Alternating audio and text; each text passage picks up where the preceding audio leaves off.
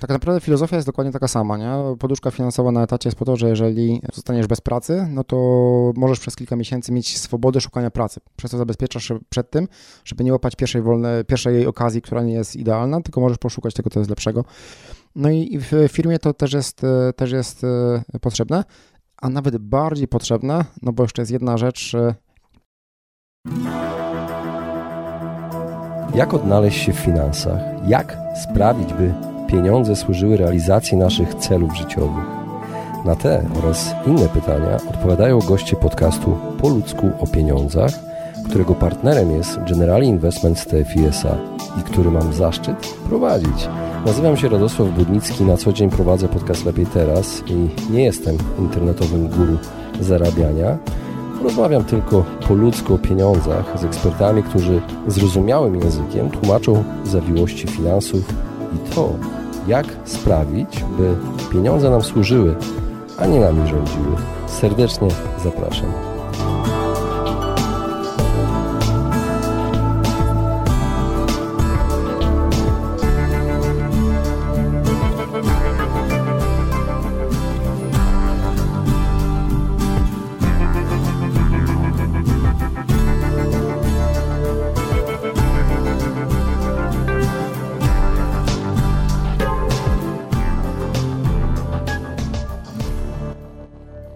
Witam Was serdecznie w kolejnym odcinku podcastu Po pieniądzach. Moi drodzy, w dzisiejszym odcinku wystąpi podcaster. Podcaster, który już był kiedyś gościem Po pieniądzach. Mowa o Dominiku Joszczyku, twórcy, który prowadzi podcast z pasją o mocnych stronach.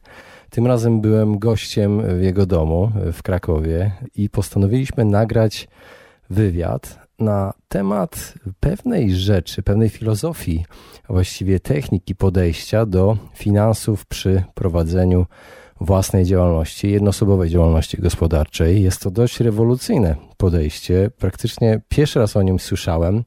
Dominik przeczytał o tym w książce, zaimplementował i zgodził się podzielić e, swoimi doświadczeniami i całym, całą tą metodą w dzisiejszym odcinku. Także moi drodzy, już więcej nie przedłużam i serdecznie Was zapraszam do wysłuchania naszej rozmowy z Dominikiem Juszczykiem na temat innej filozofii zarządzania finansami przy prowadzeniu jednoosobowej działalności gospodarczej. Moi drodzy, witam Was serdecznie w kolejnym odcinku podcastu Po ludzko o pieniądzach. Witam Was, ale nie w swoim studiu, tylko w studiu mojego dzisiejszego gościa. To jest bardzo nietypowe. Witam Cię, Dominiku. Dzień dobry. Moi drodzy, jestem gościem Dominika Juszczyka, podcastera z podcastu z pasją o mocnych stronach. I dzisiaj chciałbym porozmawiać z nim, e, będąc jego gościem właściwie, on jest moim gościem, jestem jego, porozmawiać o samozatrudnieniu, czyli o prowadzeniu jednoosobowej działalności gospodarczej i o tym, co właściwie robimy y, źle prowadząc ją i Dominik ma pewne spostrzeżenia, którymi chciałby się z Wami podzielić. I na początek, y, Dominiku, przedstaw się osobom, które nie słuchały y, poprzedniego odcinka, który z Tobą nagrałem, bo nagrałem, moi drodzy, do, z Dominikiem odcinek 34 po ludzko o pieniądzach. Czy do oszczędzania trzeba mieć talent, więc Was odsyłam, jeżeli nie, słysza, nie słyszeliście jeszcze tego odcinka. No i y, powracając do pytania, y, kim, kim jesteś? Czym się zajmujesz na co dzień? Tak, zawsze się troszeczkę boję tego pytania, kim jesteś. Człowiekiem, człowiekiem poszukującym e, e, wciąż nieustannie. E, zajmuję się w kontekście tego podcastu, o którym dzisiaj rozmawiamy, prowadzę firmę, która się nazywa Near Perfect Performance. Zrobiłem ten błąd pierwszy i zakładając firmę podałem nazwę angielską i teraz wszędzie tę nazwę komuś muszę dyktować, co nie zawsze jest proste. Nazwa pochodzi od definicji talentu, że, o którym mówiliśmy w poprzednim odcinku, więc tak jak powiedziałeś, odsyłamy ale jak mamy talenty i z nich korzystamy, to możemy mieć wydajność bliską perfekcji, near perfect performance. I to jest moja, moja firma. I w ramach tej firmy pomagam zespołom i klientom indywidualnym działać efektywnie, korzystając z talentów. To tak chyba naj, najkrótszym, najkrótszym e, definicji. Sam dla siebie testuję na sobie różne podejścia, e, optymalizuję, sprawdzam, co działa, co nie działa. Dzielę się tym w różnych miejscach e, w sieci. I w podcaście, i w social media, i w newsletterach, gdzie, gdzie, gdzie tylko mi to się podoba, gdzie lubię. E, moi drodzy, samo z siebie mogę Wam polecić e, profil na Instagramie, gdzie chyba na Insta Stories Dominik jest najbardziej aktywny, mhm. bardziej niż na YouTubie i na Facebooku na pewno. I dzisiaj chciałbym porozmawiać z Tobą o samozatrudnieniu i o tym, jak naprawdę z tego powinniśmy korzystać. Korzystać, dosłownie z, z naciskiem na słowo korzystać. I Pierwsze pytanie, czy ty jesteś e, samozatrudniony? Czy to jest spółka ZO? Co to jest? E, jest to jednoosobowa działalność gospodarcza, jeżeli chodzi o formę prawną, e, więc chyba spełnia to, spełnia to definicję samozatrudnienia. I prowadzę tę firmę, kurczę, to jest ciekawe pytanie, bo zakładałem ją jeszcze jak byłem na etacie, więc przez pewien czas byłem i na etacie i prowadziłem firmę i to był założeniem firmy, to jest wrzesień 2015 roku. Rok później, w listopadzie 2016, w 100% e, odszedłem z etatu i w 100% już pracowałem u siebie w firmie. Czyli 4 y, lata y, już masz doświadczenia, mhm. jeżeli chodzi o prowadzenie, i 3 lata prawie już, jeśli chodzi tylko o prowadzenie jednoosobowej tak, działalności tak, tak. gospodarczej. Tak. I y, no dobrze, jak odczułeś różnicę? Różnica, różnica na, na kilku poziomach. Na pewno to, y, na co miałem nadzieję, y, jest w dużej mierze spełnione, bo miałem nadzieję na większą dowolność wybierania to, czego robię i kiedy robię. I to się w dużej mierze, y, w dużej mierze zgodziło, bo to ja jestem panem swojego czasu i ja umawiam spotkania, warsztaty z klientami, ja umawiam coachingi z klientami, ja umawiam konsultingi z, z klientami i też do pewnego stopnia, zaraz porozmawiamy do jakiego stopnia, ja definiuję, jak dużo tych warsztatów, coachingów y, umawiam. Ja mam taką trochę wizję, żeby, trochę, bardzo wizję, e, żeby pracować docelowo nie więcej niż 20 godzin tygodniowo. Na etacie to nie jest możliwe, e, żeby mieć 20 godzin tygodniowo przy poziomie przychodów, jaki potrzebuję, żeby pokryć swoje koszty i zabezpieczyć przyszłość. Bardzo wierzę i sam sobie pokazuję przez te 3 lata, że to jest możliwe e, na etacie. Asymptotycznie powolutku zbliżam się do, do tego, tego poziomu. Już pracuję mniej niż 40 godzin tygodniowo, zarabiam trochę więcej niż na etacie, mam przestrzeń na to, żeby obcinać jeszcze, jeszcze czas yy, pracy. A pierwsze wrażenia, kiedy już całkowicie zrezygnowałeś z etatu, jak wyglądały? Jesteś nagle, budzisz się, no kurczę, ja już nie mam szefa, tak naprawdę sam jestem swoim szefem. I hmm. czy to jest tak właśnie, bo często rozmawiam z ludźmi, którzy mnie pytają, y, spotykam osoby, znajomych, którzy pracują gdzieś w korporacjach ja mówię, Radek, że dobrze zarabiają. I zastanawiam Radek, jak to jest właśnie, wiesz, ty jesteś taki fajny, wiesz, każdy oczywiście kadzi, mm. mówi, że jest super, ty jesteś mm. taki wolny, robisz co chcesz, mówię, stary, no ale coś za coś, no. No jednak musisz ten bat na siebie sam e, nakładać, bo jeżeli nie ściągniesz się z łóżka rano, no to samo do ciebie nie przyjdzie. To może nie tyle szczęście, ale mam wypracowane rutyny, więc ja z, z motywacją sam dla siebie nie mam problemu. E, bardziej mam z motywacją, żeby wycinać projekty niż, niż, niż pracować.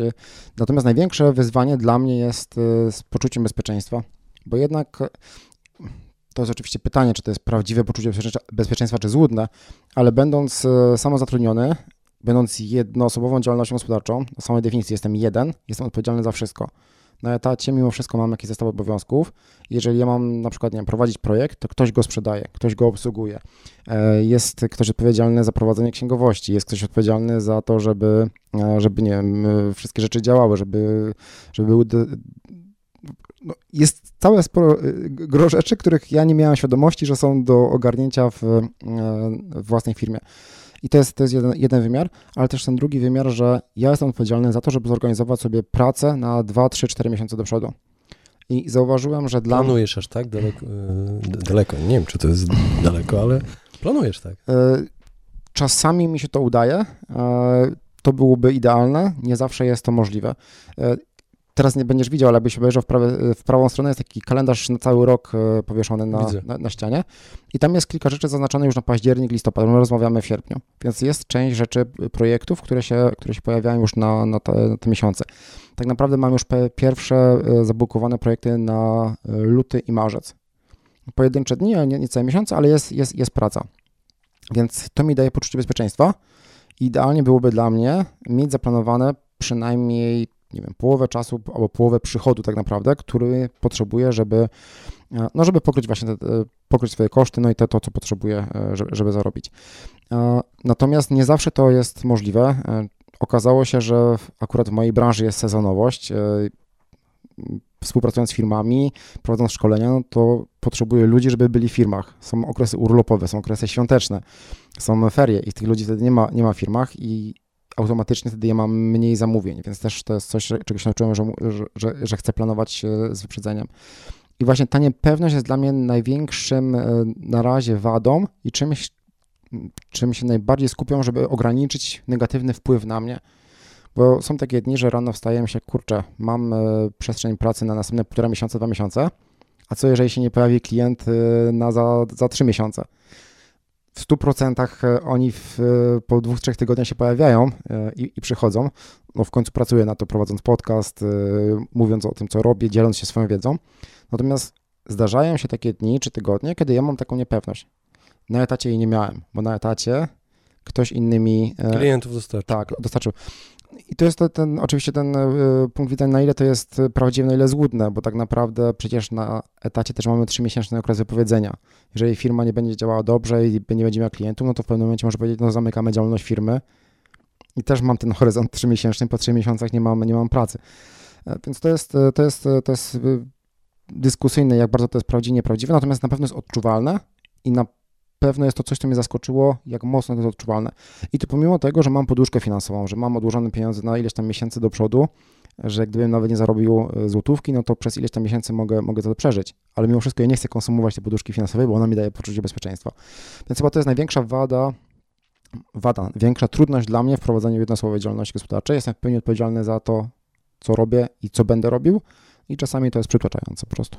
Dobrze, że powiedziałeś o poduszce finansowej, bo to mnie ciekawi. Y, czy ta poduszka finansowa, kiedy prowadzisz działalność gospodarczą jednoosobową, powinna się różnić od tej poduszki, którą ma taki pracownik na etacie? Tak naprawdę filozofia jest dokładnie taka sama. Nie? Poduszka finansowa na etacie jest po to, że jeżeli y, zostaniesz bez pracy, no to możesz przez kilka miesięcy mieć swobodę szukania pracy. Przez to zabezpieczasz się przed tym, żeby nie łapać pierwszej, wolne, pierwszej okazji, która nie jest idealna, tylko możesz poszukać tego, co jest lepszego. No i w firmie to też jest, y, też jest y, potrzebne, a nawet bardziej potrzebne, no bo jeszcze jest jedna rzecz, ja na szczęście mam cudownych klientów i ja nieraz nie miałem przypadku, że faktura nie była zapłacona. Zdarzały się pojedyncze e, opóźnienia, powiedzmy, nie wiem, 2-3 tygodnie, ale są e, ludzie, którym e, firmy nie płacą po kilka miesięcy. Czyli ty masz przychód, zapłacić od tego podatek, teoretycznie masz te pieniądze, ale ich nie masz. I wtedy poduszka finansowa jest niezbędna, żeby utrzymać płynność, płynność działania firmy. Więc oprócz tego, że daje bezpieczeństwo, no to daje jeszcze zabezpieczenie na właśnie na takie zatory płatnicze, które się pojawiają czasami. Nie wspomniałem o tym jako, jako, zagrożeniu, bo no akurat w moim przypadku to nigdy nie było, nie było problemem, ale rozmawiam czasami ze znajomymi i dla nich to jest e, czasami problem. E, chociażby na przykład to, że są duże korporacje, które mają z góry ustalony e, termin płatności faktury na 90 dni. Więc ty pracujesz na przykład w sierpniu, ale te pieniądze widzisz dopiero w grudniu. No i jak nie masz poduszki finansowej, nie jesteś na to przygotowany, no to to skądś te pieniądze trzeba wziąć? ZUS trzeba zapłacić, VAT trzeba zapłacić, bo faktura była wystawiona wtedy, co była wystawiona. Oczywiście są różne mechanizmy, można zmienić rozliczenie na kwartalne, no ale gdzieś ten moment zapłacenia tego podatku przychodzi i warto mieć na to pieniądze. Mhm. E, dobrze, Dominik, e, może przejdźmy adrem, jak to mówiła moja pani od łaciny, adrem do rzeczy i kiedy odkryłeś, że jest coś nie tak, jeśli chodzi o to e, prowadzenie działalności i to, jak postrzegamy, to jak ludzie funkcjonują jako prowadzący to jednoosobową działalność gospodarczą. Mhm. Po trzech latach prowadzenia firmy ja prowadzę dziennik. Prowadzę dziennik prywatnie, ale w tym dzienniku prywatnym, ponieważ no, jakby firma jest też zintegrowana ze mną, zapisuję sobie pewne rzeczy, które są dla mnie trudne w kontekście, w kontekście firmy. No i zauważyłem, że, że pojawiły się tam pewne, pewne wątpliwości na zasadzie, kurczę, czasami firma mnie stresuje, e, zarabiam tyle, co zarabiałem na etacie, e, bo taki sobie stawiałem cel, więc wypłacam sobie taką wypłatę, jak wypłacałem, no to gdzie jest e, ten zysk z prowadzenia, z prowadzenia firmy? Czasami pracuję mniej, no ale jak mam tą wątpliwość i, i, i niepewność, to pracuję więcej, żeby, żeby jak najszybciej nadrobić ten, ten, ten obszar. Zauważyłem, że, że nie ma wartości dodanej z prowadzenia własnej firmy, a mam więcej stresu niż będąc na etacie. Pomyślałem, kurczę, idee były piękne. Mogłem się wrócić do, w dzienniku do, do, zapisów i zobaczyć, jakie miałem nadzieje i czego chciałem e, od firmy. No i mogłem porównać z rzeczywistością e, postrzeganą w danym momencie. No i one się nie, nie, nie zgadzały. No i to był taki, taki moment, że stwierdziłem, ok, coś, coś, coś, jest, coś jest nie tak. E, I, i tutaj no tak, no to te, ten, ten moment właśnie. Próba zrozumienia, po co ja tę firmę naprawdę prowadzę i co ona mi daje e, e, więcej niż, niż etat i brak jasnej odpowiedzi, której mogą sobie udzielić. E, dobrze, no to w takim razie wszyscy wiemy, że jesteś takim frykiem usprawniania procesów pracy. Mhm. Powiedz, co, y, co odkryłeś i co usprawniłeś. Podziel się swoimi spostrzeżeniami, proszę. Mhm. Tak, y, jestem dumny z tego, że jestem freakiem usprawnienia, więc I embrace it. Wiesz co, no ja generalnie no, non-stop, non-stop szukam usprawnień. Zaczęło się od tego, że zacząłem w firmie prowadzić nie tylko księgowość na poziomie cashflow, cashflow, czyli w sensie mam ileś wpływów, mam ileś y, wypływów, wypłat z firmy, no i mogę porównać, ile mi zostaje na koncie. Ale stwierdziłem, że to mi daje mało informacji na poziomie tego, y, co jest najbardziej zyskowne z rzeczy, które robię y, sprzedażowo i na poziomie tego, gdzie tak naprawdę mam koszty i co mnie najwięcej kosztuje i, i, czy mogę gdzieś zoptymalizować te rzeczy. Więc pierwszy krok było zastosowanie tego, co robiłem w budżecie prywatnym, w budżecie firmowym zacząłem zapisywać wydatki. Po prostu zacząłem zapisywać, że w tym miesiącu subskrypcje nie wiem, Dropbox, y, Lipsen, czyli hosting y, podcastowy, Zoom, czyli aplikacja, którą wykorzystuję do nagrywania wywiadów, kosztuje tyle i tyle. Taksówki, które jeżdżę, kosztują mnie tyle i tyle. Bilety na pociąg, jeśli tam jakaś rubryka. Miesięczne koszty. Miesięczne koszty, ale z podziałem na ileś tam kategorii. Nie wiem, przygotowując się do warsztatów, na przykład idę do drukarni, drukuję materiały, ile one mnie kosztują. No i tu był taki pierwszy poziom, o kurczę, powiedziałem, ok, jest e, ileś tych kosztów, ale nie mam pojęcia, czy to jest dużo, czy mało, wiem, że wiem, ile wypływa. No zacząłem szukać dalej i trafiłem e, w końcu na książkę, która się nazywa Profit First. E, daję angielski tytuł, bo jak sam zauważyłeś, tutaj będę mnie czytam większość książek po angielsku, natomiast ona jest po polsku. Nazywa się Po pierwsze zysk. Autora, który ma polsko brzmiące nazwisko, Mike Michalowicz. Przyznam się szczerze, że te, o tej książce słyszałem już rok wcześniej, ale wydawało mi się taka bardzo amerykańska.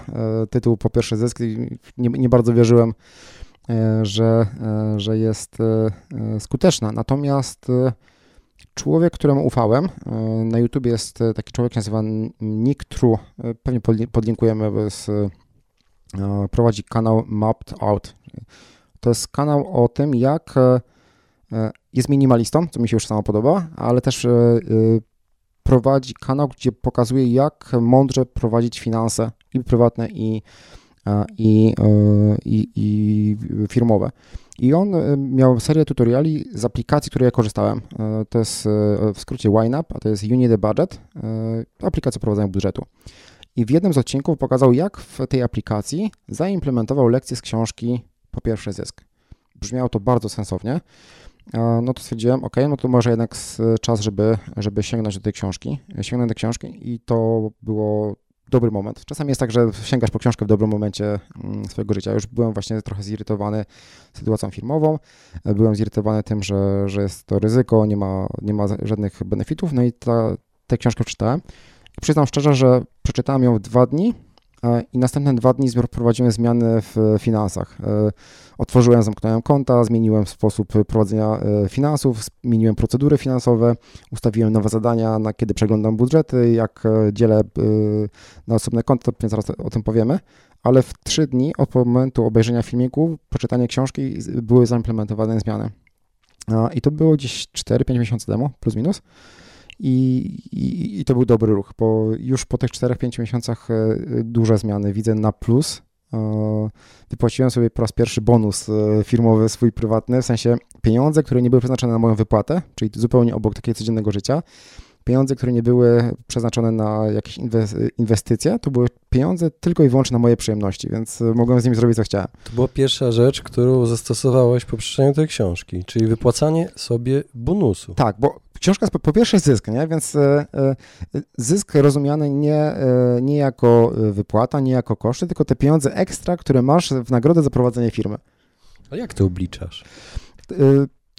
Pan, pan, Mike Michalowicz proponuje taką prostą formułę i, i może dam przykład, na przykładach się najlepiej rozmawia.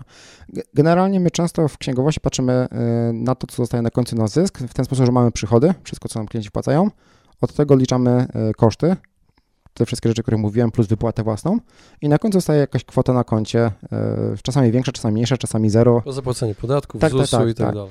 Często, często zostaje, zostaje naprawdę mało lub, lub zero, lub czasami nawet nie wypłacamy sobie wypłaty. A Mike Michalowicz odwraca ten, e, to równanie, mówi przychody minus zysk równa się koszty. Czyli po tym, jak przychodzi przelew, najpierw wypłacasz sobie na osobne konto zysk, czyli ten dodatkowa rzecz.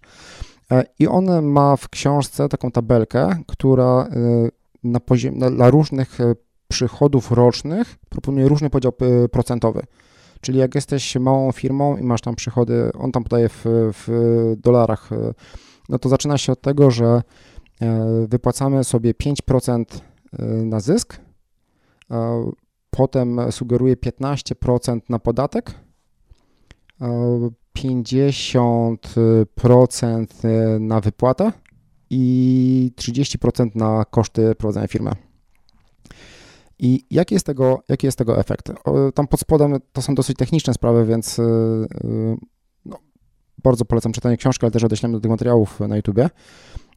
Chodzi o to, że zaraz po tym, jak przyjdzie przelew, na osobnym zupełnie koncie, do którego nie ma podpiętej karty. On nawet sugeruje, żeby to konto było w osobnym banku, do którego nie masz karty w ogóle, że, że musisz tam iść, żeby wypłacić te pieniądze. Przelewasz pieniądze na, na zysk, więc nie sięgasz po nich, bo są trudno dostępne. 5%. Te 5%, tak.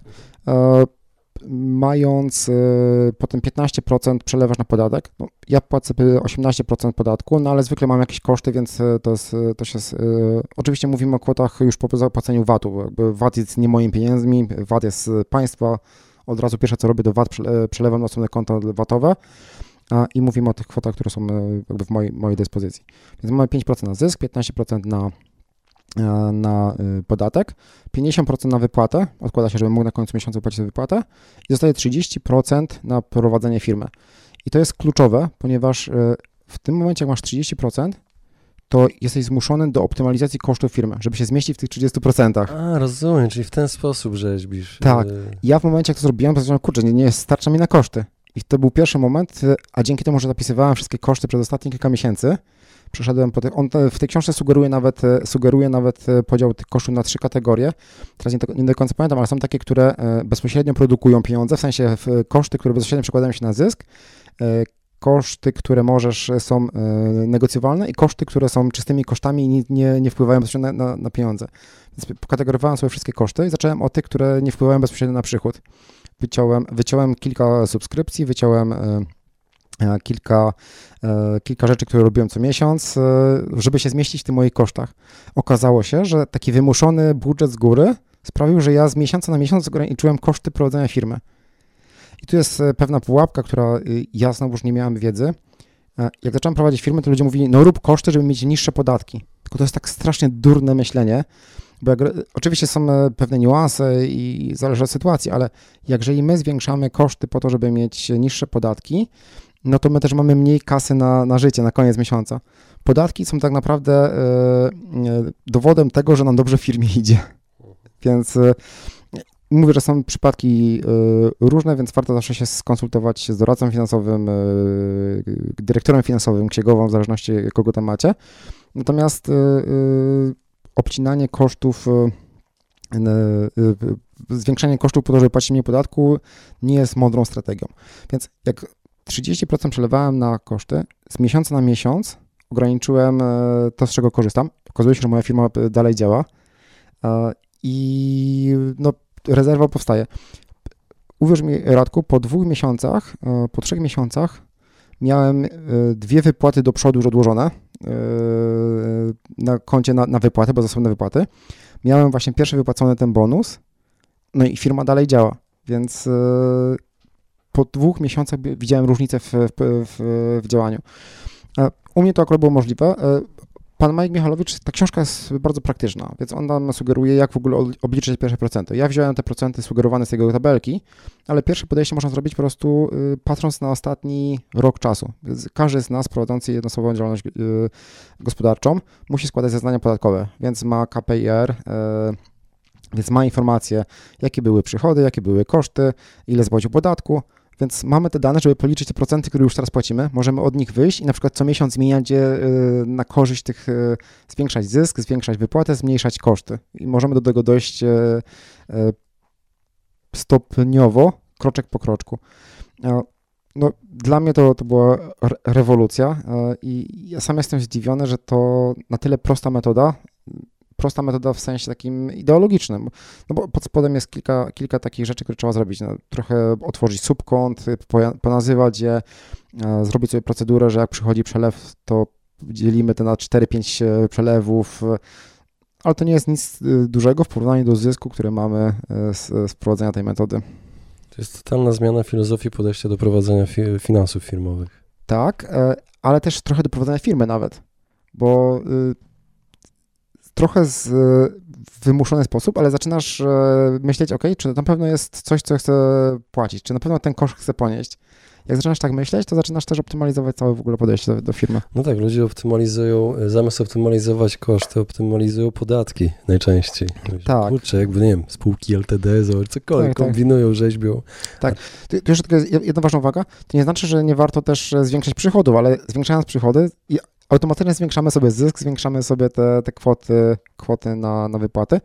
I tam e, w tej książce jest właśnie ta tabelka, że jak zwiększymy zysk, e, przychód po jakieś, powyżej jakiejś tam kwoty, no to wtedy możemy zmienić te procenty, że mniej na przykład na wypłatę, bo w jesteśmy w stanie mniej e, dalej przeżyć za taki samy e, kwotę miesięcznie, ale możemy zwiększyć ten procent na zysk, więc wypłatę sobie większego zysku, e, więcej zysku co jakiś czas. Naprawdę ideologicznie proste podejście, ale zmienia, zmienia drastycznie, drastycznie e, taki komfort prowadzenia firmy. W sumie odpowiedziałeś na pytanie, jakie pierwsze kroki należy e, wprowadzić hmm. do zmiany, założenie tych kont, tak? Tak. Nawet e, gdy nie jesteśmy pewni, jakie procenty zrobić, to bym zrobił pierwszy krok, wziął sobie raport finansowy zeszłego roku, który no, każdy musi złożyć, jeżeli ma księgowość, to musi, musi mieć, policzył te procenty realne, jakie są w tym momencie, wziął z książki tabelkę, jakie są procenty docelowe dla swojej rozmiaru firmy i zobaczył, jaka jest różnica. I to jest pierwszy krok. Drugi założył konta. Trzeci stworzył procedurę, żeby mieć tą łatwość robienia tego. E, e, akurat ten gość, e, autor tej książki proponuje robić co dwa tygodnie. Czyli mieć osobne konto income, gdzie wszystkie przelewy są i co dwa tygodnie rozdzielać te, te pieniądze na odpowiednie kubki. Mhm. Inspiracja, rozumiem, że książka po pierwszy zysk. Tak. E, pierwsza inspiracja była z tego kanału na, na YouTubie, e, Nika True, e, Mapped Out, który wskazywał na tę książkę i ta książka już jest takim kompendium wiedzy, jak to zrobić w praktyce. Po pierwsze zysk Majka Michalowicza. Okej. Okay. Jakie są lekcje po pięciu miesiącach stosowania już tej metody? Lekcje są takie, że patrzenie, patrzenie na koszty nie musi być trudne. A, nie, jest jedna najważniejsza lekcja. Zauważyłem, że oprócz tego, że te, te konta działają tak, że jest, e, są po prostu, wiem gdzie to jest jaka kwota, to dają mi możliwość szybkiego oglądu, jakie jest stan mojej firmy. Patrzę i widzę, ok, na koncie, e, na koszty mam 5000 w tym miesiącu. Patrzę, mam 3 miesiące wypłaty odłożonej patrzę na koncie, na koncie zysk, mam y, zgromadzone już tyle, co sobie za miesiąc wypłacę jako, jako, jako bonus. Więc jest mega szybki ogląd y, sytuacji finansowej. Bo jak mamy jedno konto na koszty, którego wypłacamy wypłatę, to nie wiemy, ile tam jest na wypłatę, ile jest na koszty. A tu mamy no, po prostu czystą sytuację i to jest największa lekcja, a ta czystość sytuacji daje łatwiejszą, łatwiejsze pole do podejmowania decyzji. Bo jak wiemy, jaką ma sytuację, jakie mam koszty, to łatwiej podejmę decyzję, czy mnie na to stać, czy mnie na to nie stać. Czy mam coś wycinać, czy nie wycinać. Więc to jest, to jest pierwsza lekcja. E, druga lekcja jest taka, że, e, że ja tego się nauczyłem trochę z wprowadzenia nawyków. Jak wprowadzamy nawyki, to bardzo skuteczną e, metodą jest zmiana środowiska. Czyli na przykład nie chcemy mieć słodyczy, no to usuńmy słodycze z domu. Jeżeli, nie wiem, rano, wieczorem podjadamy, no to nie miejmy czego podjadać na przykład. Miłosz Brzeziński w podcaście powiedział, mm. że najlepsza metoda to unikanie y, kraju syren, syren jak Odyseusz. Dokładnie, więc e, to samo okazuje się działa, e, działa w finansach. Jeżeli te konta z wypłatą, z podatkami i z, z profitem są zupełnie gdzie indziej, to ja nawet nie mam tej kasy, jak się do niej dobrać, więc nie mam pokusy, żeby je wydawać. Mam tylko konto kosztowe. Więc to są, to są takie dwie największe lekcje, które, które dla siebie wyciągnąłem. E, wynikiem jest dużo większy spokój. To nie jest jeszcze tak, że wszystko spokładam, bo ja cały czas sobie jeszcze tam tuninguję, do, dostrajam i pewnie zawsze będę dostrajał, ale, ale to, jest, to jest coś, co, co daje dużo spokoju. Można to jakoś zastosować do finansów osobistych? E, w tej książce Profit First jest rozdział o tym. Po pierwsze, zysk jest, jest o tym rozdział. Ja już tego nie robiłem, bo jedna rzecz na raz to też jest... No, to odsyłamy do książki. Tak, tak jest tam zamapowane. Każdy z tych kont i każdy z tych sposobów patrzenia jest zamapowany na życie prywatne, więc można sobie krok po kroku te, te rzeczy tam przeczytać. Okej, okay, zbliżamy się do końca. Ostatnie takie podsumowujące. E, co radzisz e, tym osobom, e, które chcą wprowadzić takie usprawnienia? Po pierwsze, po pierwsze zacząć patrzeć realnie na swoją firmę. To podejście pokazuje bardzo, ile mamy kasy, ile mamy kasy.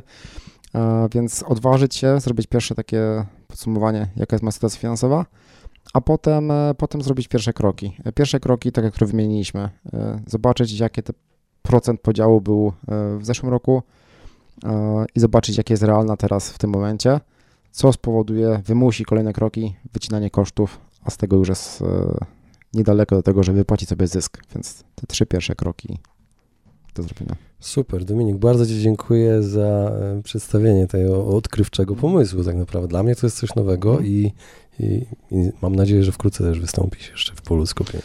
Jeżeli tego zaprosisz, to bardzo, bardzo chętnie. Dziękuję. Dzięki.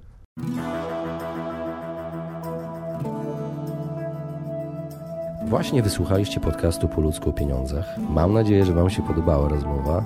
Jeżeli Wam się podobała, poświęćcie swój czas, proszę, by pozostawić swoją recenzję na iTunes. Jeżeli macie pytania lub e, propozycje dotyczące kolejnych audycji, piszcie do mnie na fanpage'u Po ludzku o pieniądzach i do usłyszenia następnym razem.